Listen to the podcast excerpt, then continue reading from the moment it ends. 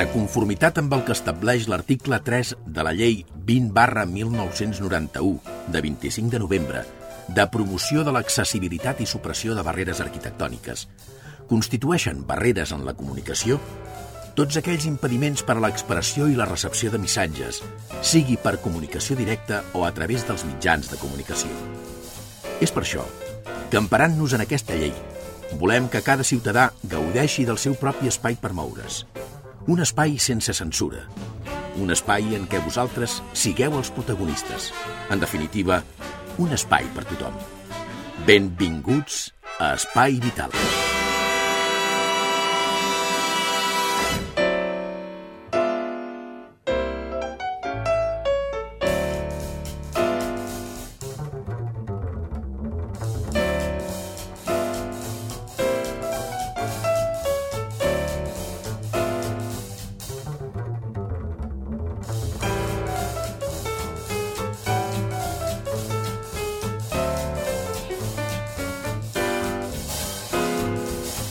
Senyores, senyors, què tal, com estan? Benvinguts, ben trobats a tots, aquells que ens escolteu des de Cerdanyola, Ripollet, Barberà, Sabadell, Moncada i Santa Perpètua. Aquestes sis poblacions que entren dins la coproducció d'Espai Vital, aquest programa que parla de discapacitat i malalties cròniques i que també té cuina. I per aquí començo, amb la nostra cuinera, com sempre, Teresa Diviu. Què tal? Bon dia. Bon dia, bon ben trobats una altra vegada. Molt bé, també contem avui amb Creu Roja, Cerdanyola, Ripollet, Moncada i, i més concretament començarem mm, per les dones, com sempre. Jo sóc molt deferent amb elles. Tenim a Gladys eh, Ruti. Hola, què tal? Muy buenos días. Buenos días i tenim també al nostre costat el president de la delegació local de... No, perdó, delegació comarcal de Creu Roja, Cerdanyola, Ripollet, Montcada. Sí, senyor. I és el Francesc Roset. Senyor Roset, bon dia. Moltes gràcies, bon dia, i eh, no cal, això, senyor, no cal. Ai, l'amistat. L'amistat Sí, és, home, sempre, sí. és sempre molt important. Senyors, amb 3, 2 o 1, comencem el programa d'avui.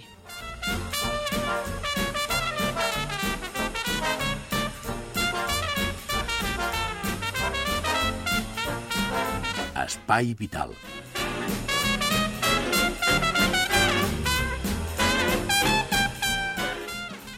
Molt bé, sabíeu vosaltres que Ripollet ja des del novembre és un municipi cardioprotegit? Ho sabíeu això vosaltres? Eh, doncs, no, no, no, no. no, No, no. digueu, digueu, no ho sabia, No, no ho sabia. Ser, No sincer, No, no ho sabíeu. No. Tu ho sabies, Teresa? No, no, jo Bé, no. doncs eh, que sapigueu que a Ripollet 48 treballadors de l'Ajuntament, del Patronat de Cultura, del Mercat, de la Policia Local, de la UAC, de Salut Pública i Serveis Socials van ser formats entre el 15 i el 19 de novembre en suport vital bàsic per tenir els coneixements bàsics de reanimació cardiopulmonar i utilització dels aparells DEA, és a dir, de desfibriladors externs automàtics. N'heu vist eh, als camps de futbol, que ara també han ficat una màquina, que quan un cau a terra mig mort, per entendre'ns, de seguida corre tothom, agafa un aparatet i li col·loquen? O no veieu urgències a televisió? Per exemple, una sèrie que de fet ho retracta molt bé el que són les urgències a, en un hospital. Aquí a Espanya no sé si passa igual, però allà queda molt bé. molt bé, doncs ja està, ja esteu assabentats, era simplement que us ho volia comentar a tothom. No, és bo, ja sabem ara que ja ens podem... Ja ens pot agafar un infart a l'Ajuntament, ara ja. Sí, senyor. Clar, ara quan- anem a l'Ajuntament i oh, m'agafa un infart de seguida. Eh, aviseu els de la UAC, el de, el Patronat Municipal Local, eh, de Salut Pública, eh, els de Serveis Socials... És a dir, hem de preguntar per un servei de l'Ajuntament que segur que tenen desfibriladors, dic jo. Molt bé, és una bona cosa. Una Home, bona i el patronat d'esports, que de fet va ser el primer eh, en què s'instaurés eh, la màquina aquesta, el desfibrilador.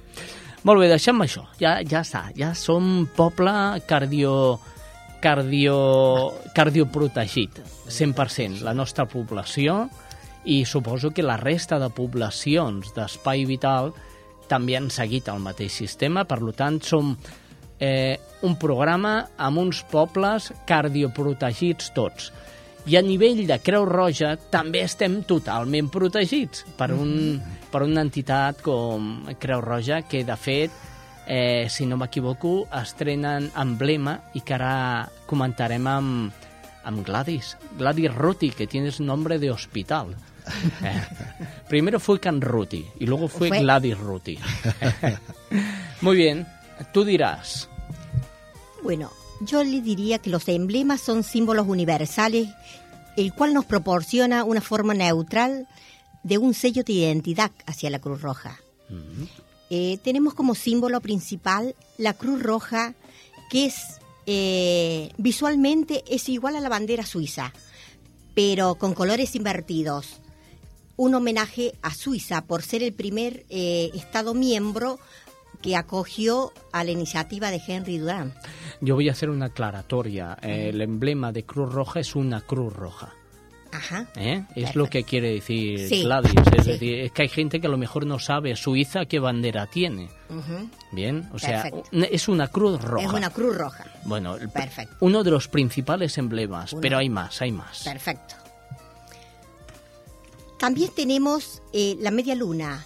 La media luna, en el año 1876, en la guerra de Suiza, los soldados turcos venían, eh, veían la cruz en- como un símbolo cristiano y solicitaron al gobierno poder utilizar la media luna que fue reconocida.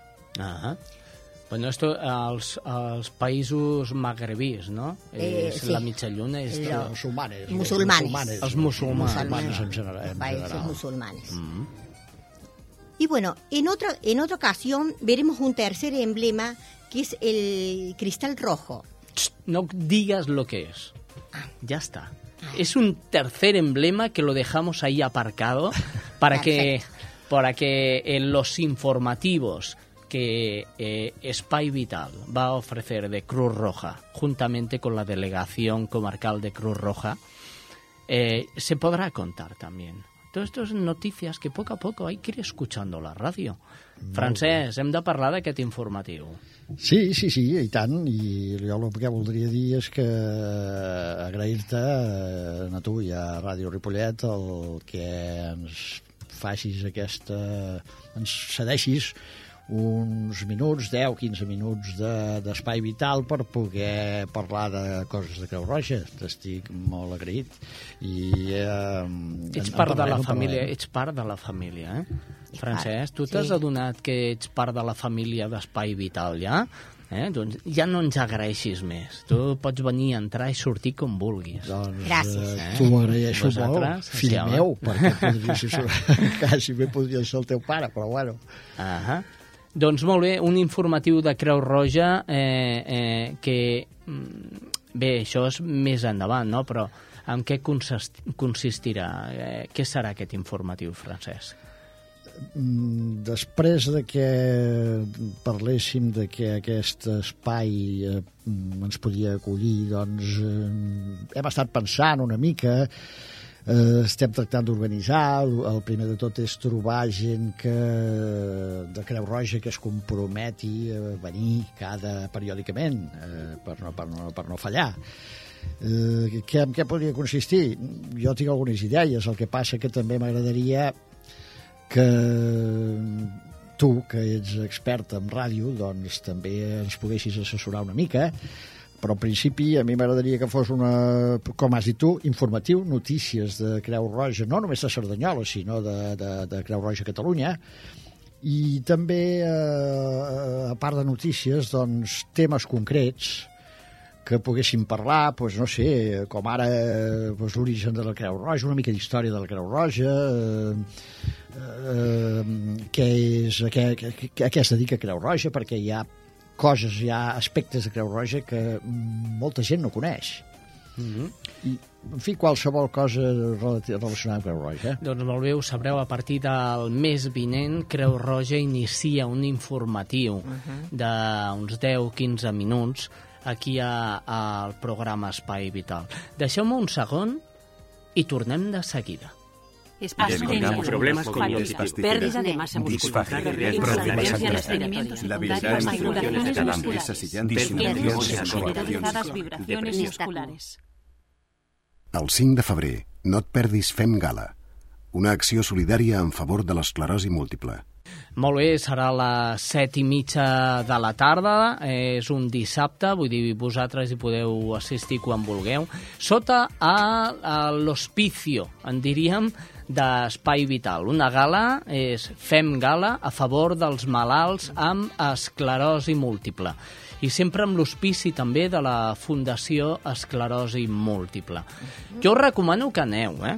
A tots, a tothom, a a tu també, Francesc. Jo faré I... tots els possibles per anar-hi. I a ti, Gladys, i a Teresa, que vingueu tots, perquè serà eh, una gala d'aquelles que, que no s'han vist, no s'han vist per aquí, per aquí a prop.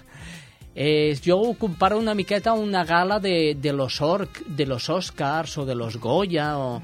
Bé, no sé, una coseta nostra. Vinguin vostès el dia 5 de febrer a les 7 i mitja de la tarda a Fem Gala.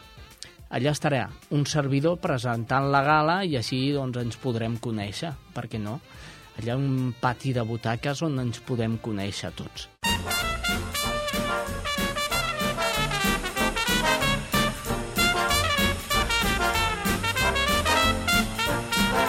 Espai Vital. I des de Ripollet, Cerdanyola, Montcada, Barberà, Santa Perpètua i Sabadell. Teresa, què ens portaràs avui per menjar? Catalana, Espinats a la catalana, amb pinyons... pinyons, panses i cigrons. Molt bé, doncs, aquesta recepta al final del programa d'avui no es perdin, no es perdin les indicacions de la Teresa. Important, important les indicacions. I ara és el moment d'anar-nos cap als capítols de Desaparecida, una vida rota por la sensibilitat química múltiple. És una adaptació del llibre d'Eva Cavaller, una malalta de sensibilitat química múltiple, que està escrit en primera persona i explica tot el periple que ha hagut de passar fins a que li van diagnosticar, li van trobar el que era i què és el que està patint en aquests moments. Doncs molt bé, avui toca, després de les vacances, el capítol 13 de la versió radiofònica de Desaparecida. A continuación les ofrecemos Desaparecida, un libro sobre la sensibilidad química múltiple. Desaparecida, un libro de Eva Caballé escrito en primera persona y llevado a la radio de la voz de Luisa Blanca con la producción de Spy Vital.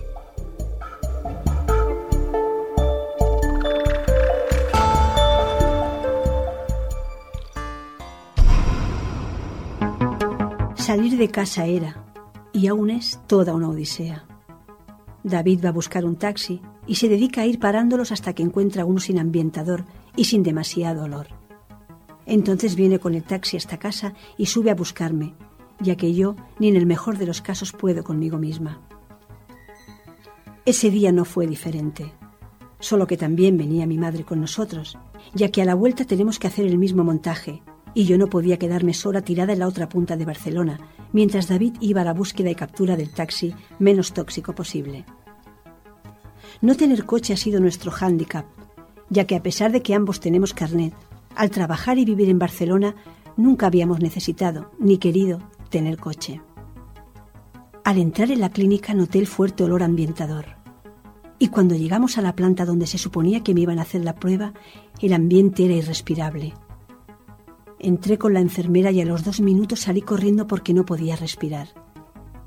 Tuvieron que sacarme por la puerta de emergencias para que pudiera respirar aire del exterior. La garganta se me hinchó muchísimo. Apenas me entraba aire. Me quedé sin voz. Tenía taquicardias y la piel llena de manchas rojas.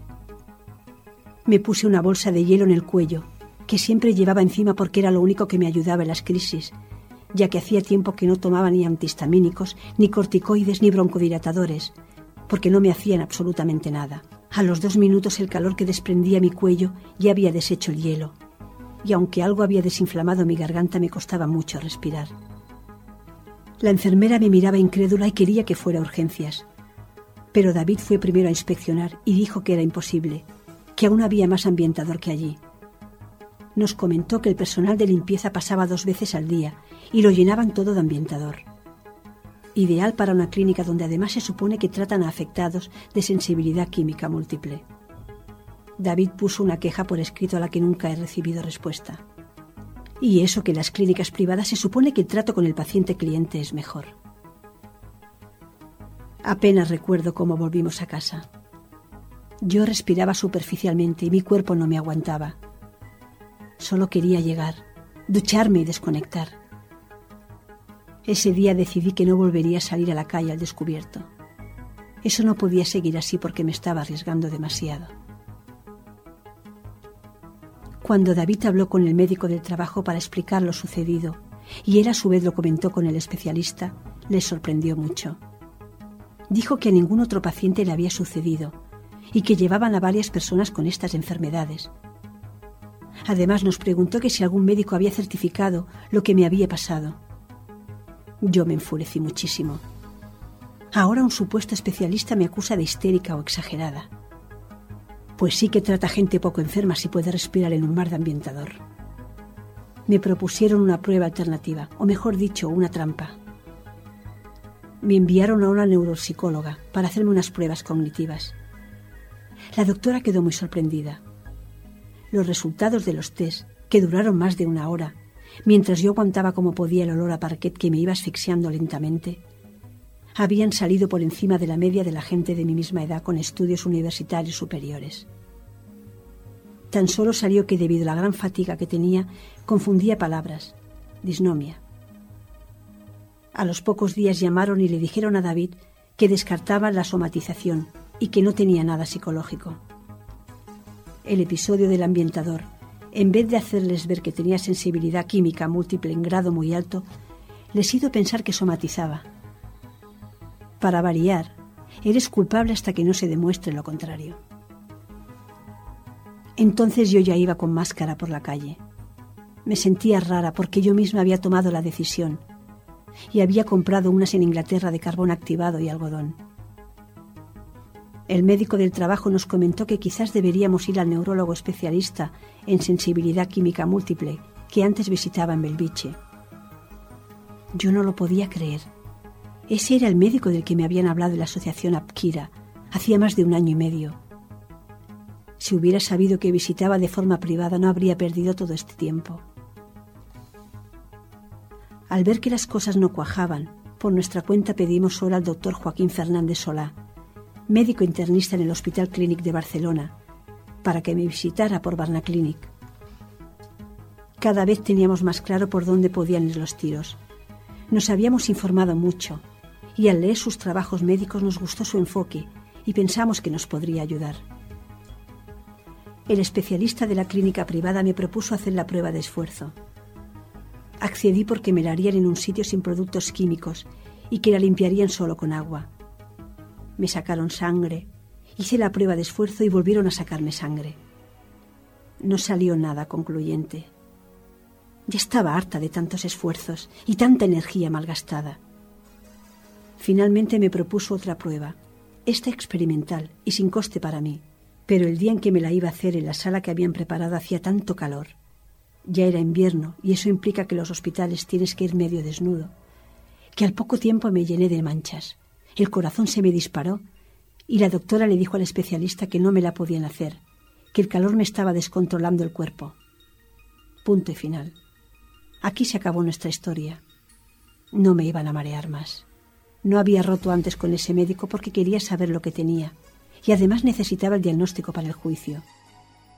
Asimismo, el médico del trabajo se había interesado y me había apoyado mucho, por lo que me sabía mal dejar el camino que él nos había abierto. La noche de fin de año estábamos contentos. Yo enferma, sin diagnóstico y sin trabajo ni pensión. Pero habíamos aprendido a valorar las cosas positivas. Ese año acababa mejor que el anterior Estábamos viviendo juntos otra vez y por fin habíamos conseguido vender el piso que había tenido que abandonar precipitadamente a los seis meses de enfermar. Estábamos convencidos de que pronto tendría diagnóstico, porque cada vez más médicos sospechaban que podía tener sensibilidad química múltiple, SQM. El mes de enero de 2008 marcó un antes y un después en mi vida.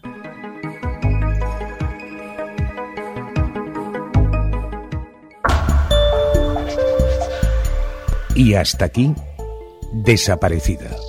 Un libro sobre la sensibilidad química múltiple. Desaparecida. Un libro de Eva Caballé escrito en primera persona y llevado a la radio de la voz de Luisa Blanca con la producción de Spy Vital. Desaparecida.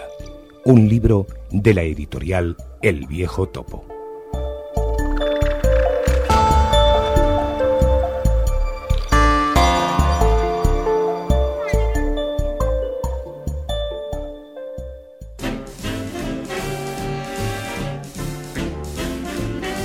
Estàs escoltant Espai Vital. Molt bé, i crec que eh, aquí a taula, a taula de tertúlia que hem muntat avui amb Creu Roja, amb el Francesc Roset i amb la Gladys Ruti i la Teresa de Viu, que també la tenim per aquí, va, va preparant. Ella va, ves ficant la, la cassola.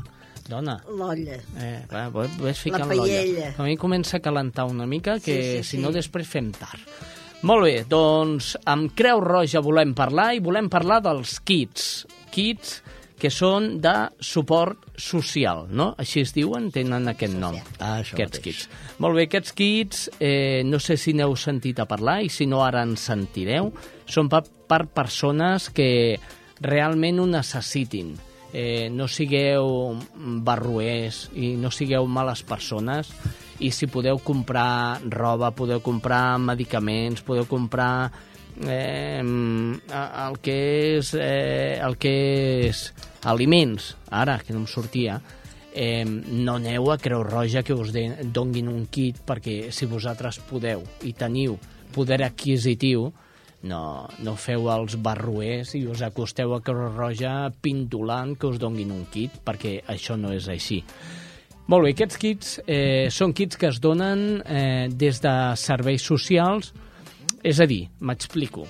Serveis socials diu a qui se li ha de donar aquest kit i Creu Roja doncs, li facilita aquests kits. És a dir, abans de venir a Creu Roja a buscar un kit, passeu per serveis socials. Espero haver-me explicat bé, però si no m'he explicat molt bé, per això tinc el Francesc Roset, que ens explicarà bé com va això. Sí, jo penso que, que sí que t'ha explicat bé, el que passa que donarem algun de, detall més. Ah. Uh, la qüestió dels kits és una, inici una iniciativa eh, de Creu Roja eh, espanyola eh, en la qual nosaltres ens hi hem afegit. Eh, van començar a repartir-se kits d'aquests al setembre del 2008, que van ser uns kits escolars, amb material escolar per nens, i després uns altres kits, eh, kit bàsic de nadó, un kit higiènic de nadó, un kit d'alimentació de nadó per nadons de 6 a 18 mesos, un kit d'alimentació familiar, un kit de material, ja ho he dit, escolar. Eh, són kits que paguem, es paguen, més ben dit, eh, es paguen amb fons propis de l'Assemblea Comarcal. Ah, Eh? Eh, vol dir que... Eh, M'agrada dir-ho perquè això vol dir que són diners que els socis i sòcies de Cerdanyola, Ripollet i Montcada, els de Creu Roja, doncs puguin conèixer mm, amb què s'empleen els seus diners. Aquests kits venen preparats amb totes les garanties, no és que sigui menjar que la gent ha portat, sinó que ho prepara una empresa, tot ben empaquetat amb totes les garanties higièniques. La novetat és que mm, nosaltres eh, ja eh, es prolonga la campanya.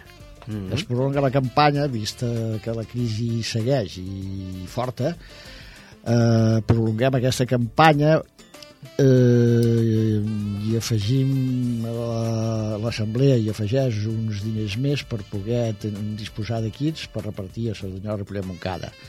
Això és la primera novetat. En segona novetat és que en els, en els, els kits que he citat abans s'hi afegeixen nous kits, que és, són un kit d'higiene personal per home, un kit d'higiene personal per eh, dona, un kit de neteja de la llar i un kit eh, destinat específicament a la gent gran. Eh, tinc que dir que amb la qüestió econòmica no sé quan, fins quan podrem eh, podrà durar la campanya aquí a Cerdanyola i Montcada perquè com sempre topem amb la qüestió econòmica. Eh, nosaltres hi posem uns diners però els nostres eh, la nostra economia és eh, els nostres recursos econòmics són com podeu pensar són limitats. Limitats. Sí, sí, pot, eh, en, aquesta, en aquesta qüestió s'hi pot afegir evidentment eh, qualsevol ajuntament eh, qualsevol entitat, qualsevol mm, persona individualment, eh, si, poden, si volen fer una, una, volen col·laborar eh, d'alguna manera econòmicament, sí. eh, pues serà molt benvingudes totes les aportacions que, que vulguin donar. M'ha sobtat el fet de... Hem fet eh, kit d'higiene personal per l'home, per la dona, kit de l'hogar, i eh, tenim kit d'aliments i ara kit de gent gran. És que eh, eh, això no sé englobar-ho jo. Què hi ha amb aquest kit? La gent gran què necessita? A veure... Mm, bé, eh, en principi, eh, com qualsevol altra persona, necessita... Mm, de tot, de, de, tot, de, tot, tot el que hem el dit, El que passa no? que en aquest cas el kit que mm, fem ara per ara de gent gran és un kit d'aliments kit d'aliments. I els aliments eh, estan pensats també una mica per les, per les necessitats pròpies d'una persona gran de, de, de 65 anys o més. Eh, jo afegiria un kit més. Gladys, ¿qué te parecería un kit para alquiler? a ver, la crisis ha atacado muchísimo a este país. Eh, la gent que ha de pagar un lloguer, hi ha gent que no pot pagar-lo doncs hauríem d'afegir un kit per pagar el lloguer d'aquesta persona. Però què kit que el paguin els bancs, eh? que han estat tants anys cobrant-nos a nosaltres interessos. Molt bé, doncs, arribat a aquest punt, Teresa, què ve ara? La roda, eh? La roda informativa. Informativa. Sí? Llavors anem a passejar per Barberà, per Sabadell, per Santa Perpètua, per Montcada i per Ripollet per totes aquestes poblacions. Doncs vinga, senyors, roda informativa.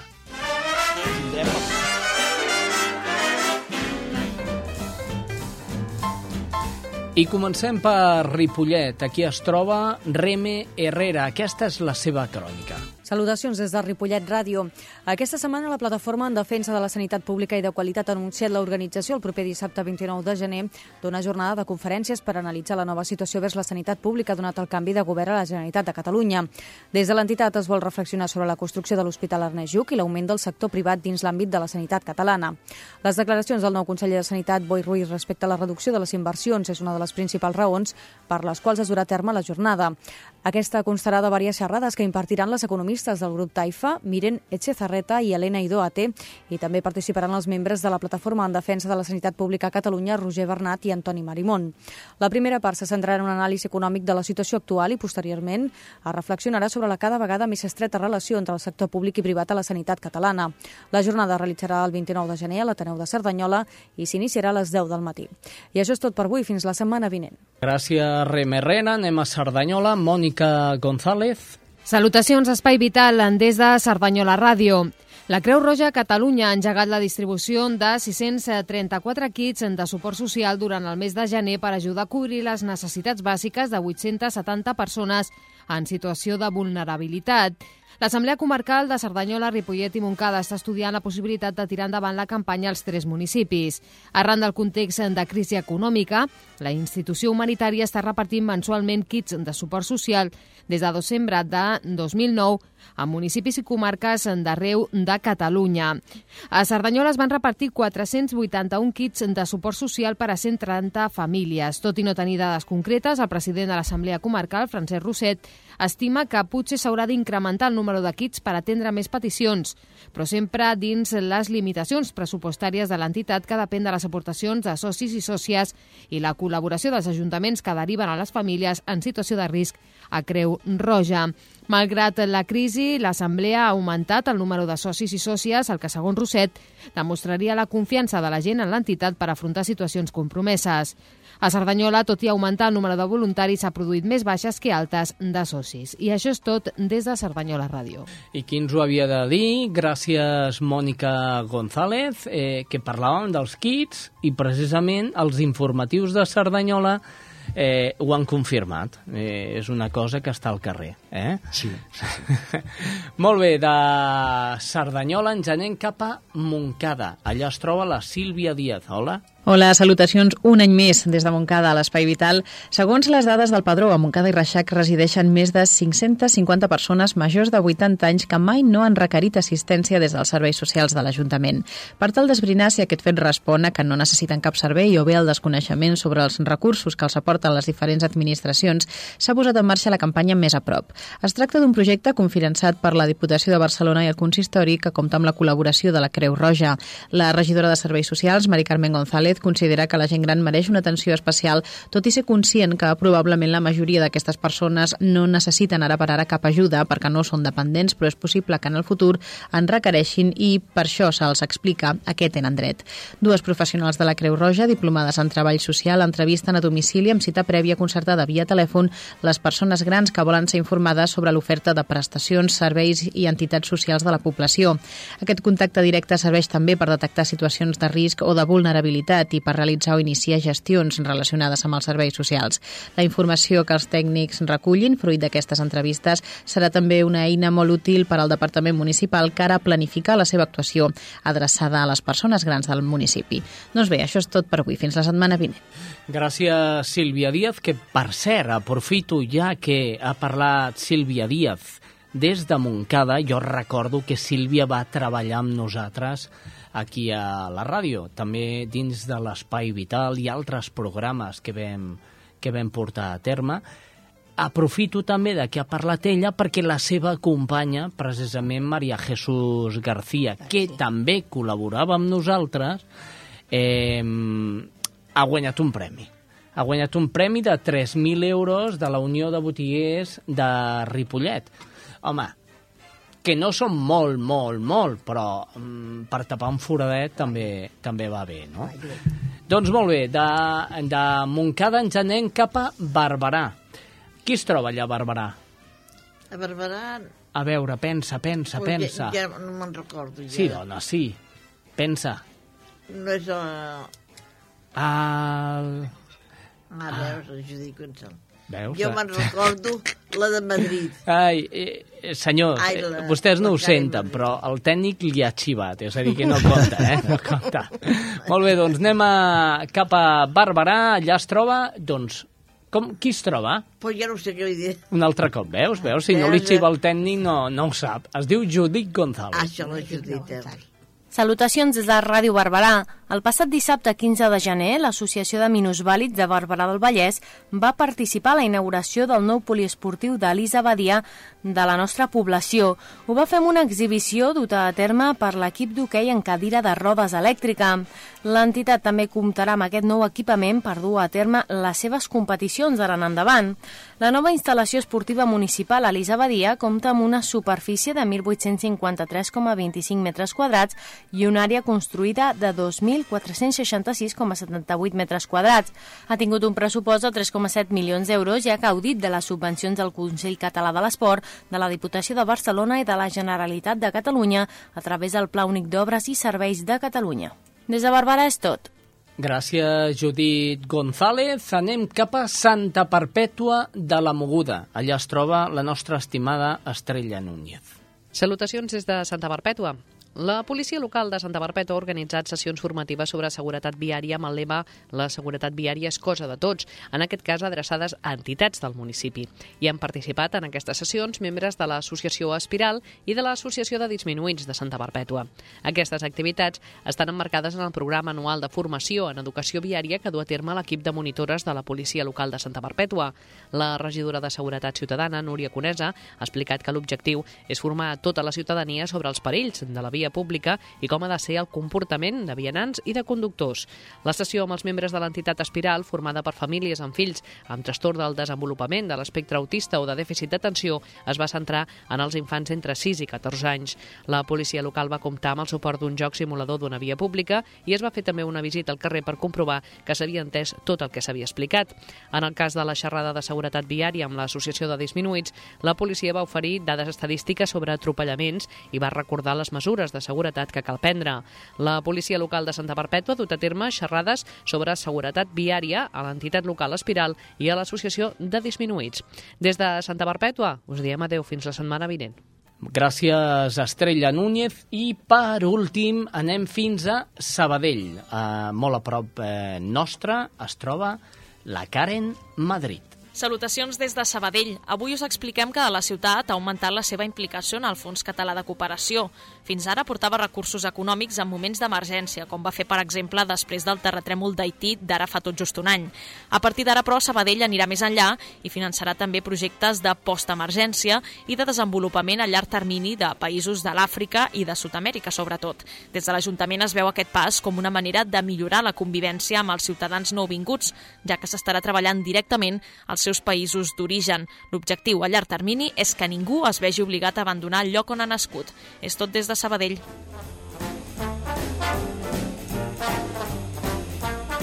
Això és Espai Vital.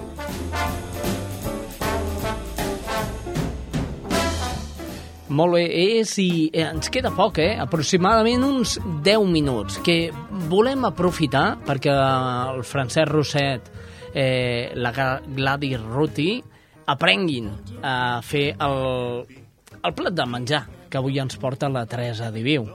És bledes, em sembla, era? No, espinacs. Ai, veus, veus, tot era verd, tot és verd, tot són fulles, pues, espinacs, A la, espinacs. espinacs la catalana. Molt bé, doncs fem una cosa, digue'm els ingredients. Doncs pues mira, mig quilo d'espinacs. Sí, Si voleu ja els compreu cuits o els, els podeu coure també. N'hi ha que es couen de pressa. mm -hmm. Compreu també pues, mig quilo de cigrons. Compreu en els congelats un taco de d'all picat. val. All picat, Perquè si no podeu trinxar, o bueno, si ho podeu trinxar, vosaltres mateixos trinxeu, si no, mira, compreu. Després 150 grams de cansalada viada. Mm -hmm. I ja està. Ah, bueno, pinyons. I pinyons. pi- 50 grams de pinyons i 50 grams de, de panses d'aquelles de Corinto. Molt bé, doncs aquí amb els ingredients el que farem és, mira, els posarem aquí tots alineats i mentre tu vas eh, afegint el foc, Això. ara parlarem de l'elaboració, volem elaborar eh, com es poden fer voluntaris de la Creu Roja, avui amb Creu Roja compartint a l'Espai Vital. Gladys, Vamos a ver, eh, ¿cómo se hace uno voluntario de la Cruz Roja? ¿Es necesario que venga gente a hacer de voluntario o ya tenéis bastantes? No, no, no, es necesario sumarse. Sumarse, ¿por qué? Porque la experiencia del voluntario Cruz Roja enriquece a ambas partes. Al voluntario, primero porque disfruta lo que hace y, cre y segundo, en segundo término, crece dando lo mejor de sí. Ajá. Y en segunda parte, la, la otra parte disfruta su compañía y le agradece lo que hace por ella. Perquè Creu Roja no és només servei a carretera, ambulàncies i, i ferides, sinó que és acompanyament Es a gent gran, acompañamiento no? a personas grandes también. Ajá.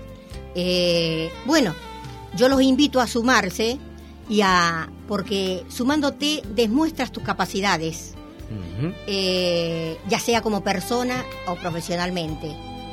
Bien. Y te animo a decirte que qué orgullosa se va a poner tu vecina al saber que sos participante de la Cruz Roja? Jo crec que sí. I ara fa, fa breus moments hem parlat d'això. Uh -huh. Hi ha molts voluntaris. Eh, normalment, quan parles de voluntaris, la gent eh, diu jo també he citat voluntari de la Creu Roja. I això és molt maco. Sí, eh? sí, sí. I et fa sí. sentir orgullós sí. i no, jo he estat voluntari. Home, això també és, és un què, també, eh? I us ho està dient algú que en el seu moment va ser voluntari de Creu Roja, eh, també. Sí, senyor, el Que que, passa sapigueu, és que eh? jo estava a, a les ambulàncies, als accidents de trànsit, aquestes coses. A mi, a mi m'anava més la sang i fetge, sang i fetge, no? A mi em va tocar això, doncs. Us animo des d'Espai Vital a que sigueu voluntaris de la Creu Roja, perquè eh, amb molt poquet fareu un, una gran tasca una gran tasca que la gent gran, la gent necessitada, doncs us ho agrairà i no sabeu de quina manera. L'agraïment que et dona una persona quan realment està agraïda, això sembla un rodolí, eh? eh és, és l'agraïment agraïment millor que podeu rebre.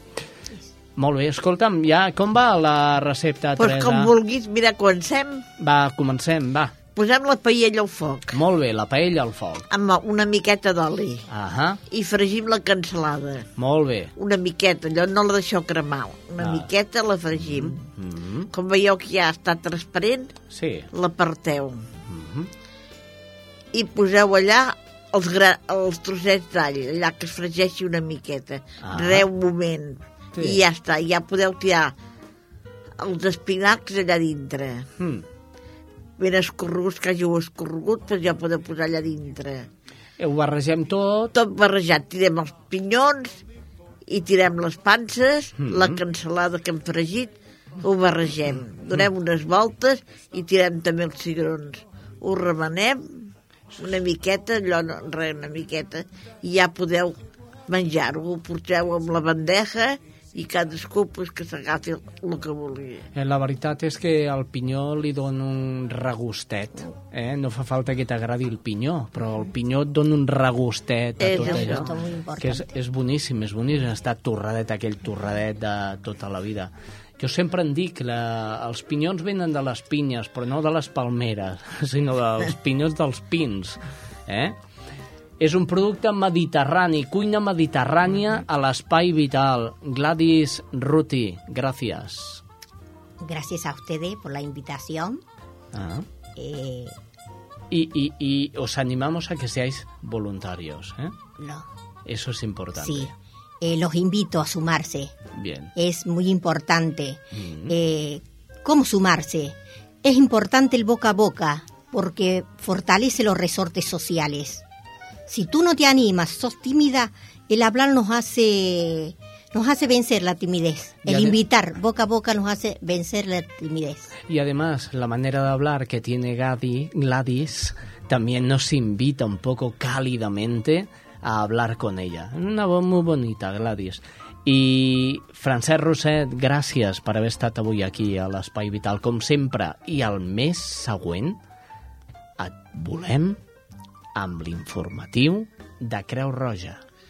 Ho prepararem, ho prepararem i eh, repeteixo que t'ho agraeixo molt que ens brindis l'oportunitat de poder estar amb els eh, oients durant 10 o 20 minuts parlant de coses de Creu Roja eh, que, que tots els oïdors o oients, no sé encara com es diu en català eh, Oïdors, correctament. oïdores. O- oïdors, oi- que tots els oïdors i oïdores doncs, eh, passin un bon dia i espero poder-los tenir eh, que connectin l'emissora Ripollet Ràdio o Cerdanyola Ràdio o Santa Perpètua o Sabadell o etc la pròxima vegada a tota la gent, a tota la gent que, que conforma l'espai vital, és a dir, és la població Cerdanyola, Ripollet, Montcada, Barberà, Tota Santa Perpètua i Sabadell, doncs, escolta'm, gràcies. I no volem marxar sense abans posar-vos una cançó mítica que canta Montserrat Cavaller i la seva filla, eh, Montserrat Martí. és la cançó de la Marató de TV3 eh, que està protagonista aquest any. Teresa Diviu, gràcies A vosaltres. per haver estat amb nosaltres i el proper dia que ens portaràs? No sé, encara m'ho haig de rumiar. doncs vinga, i a vostès, senyors. Ens escoltem la setmana vinent. Adéu-siau.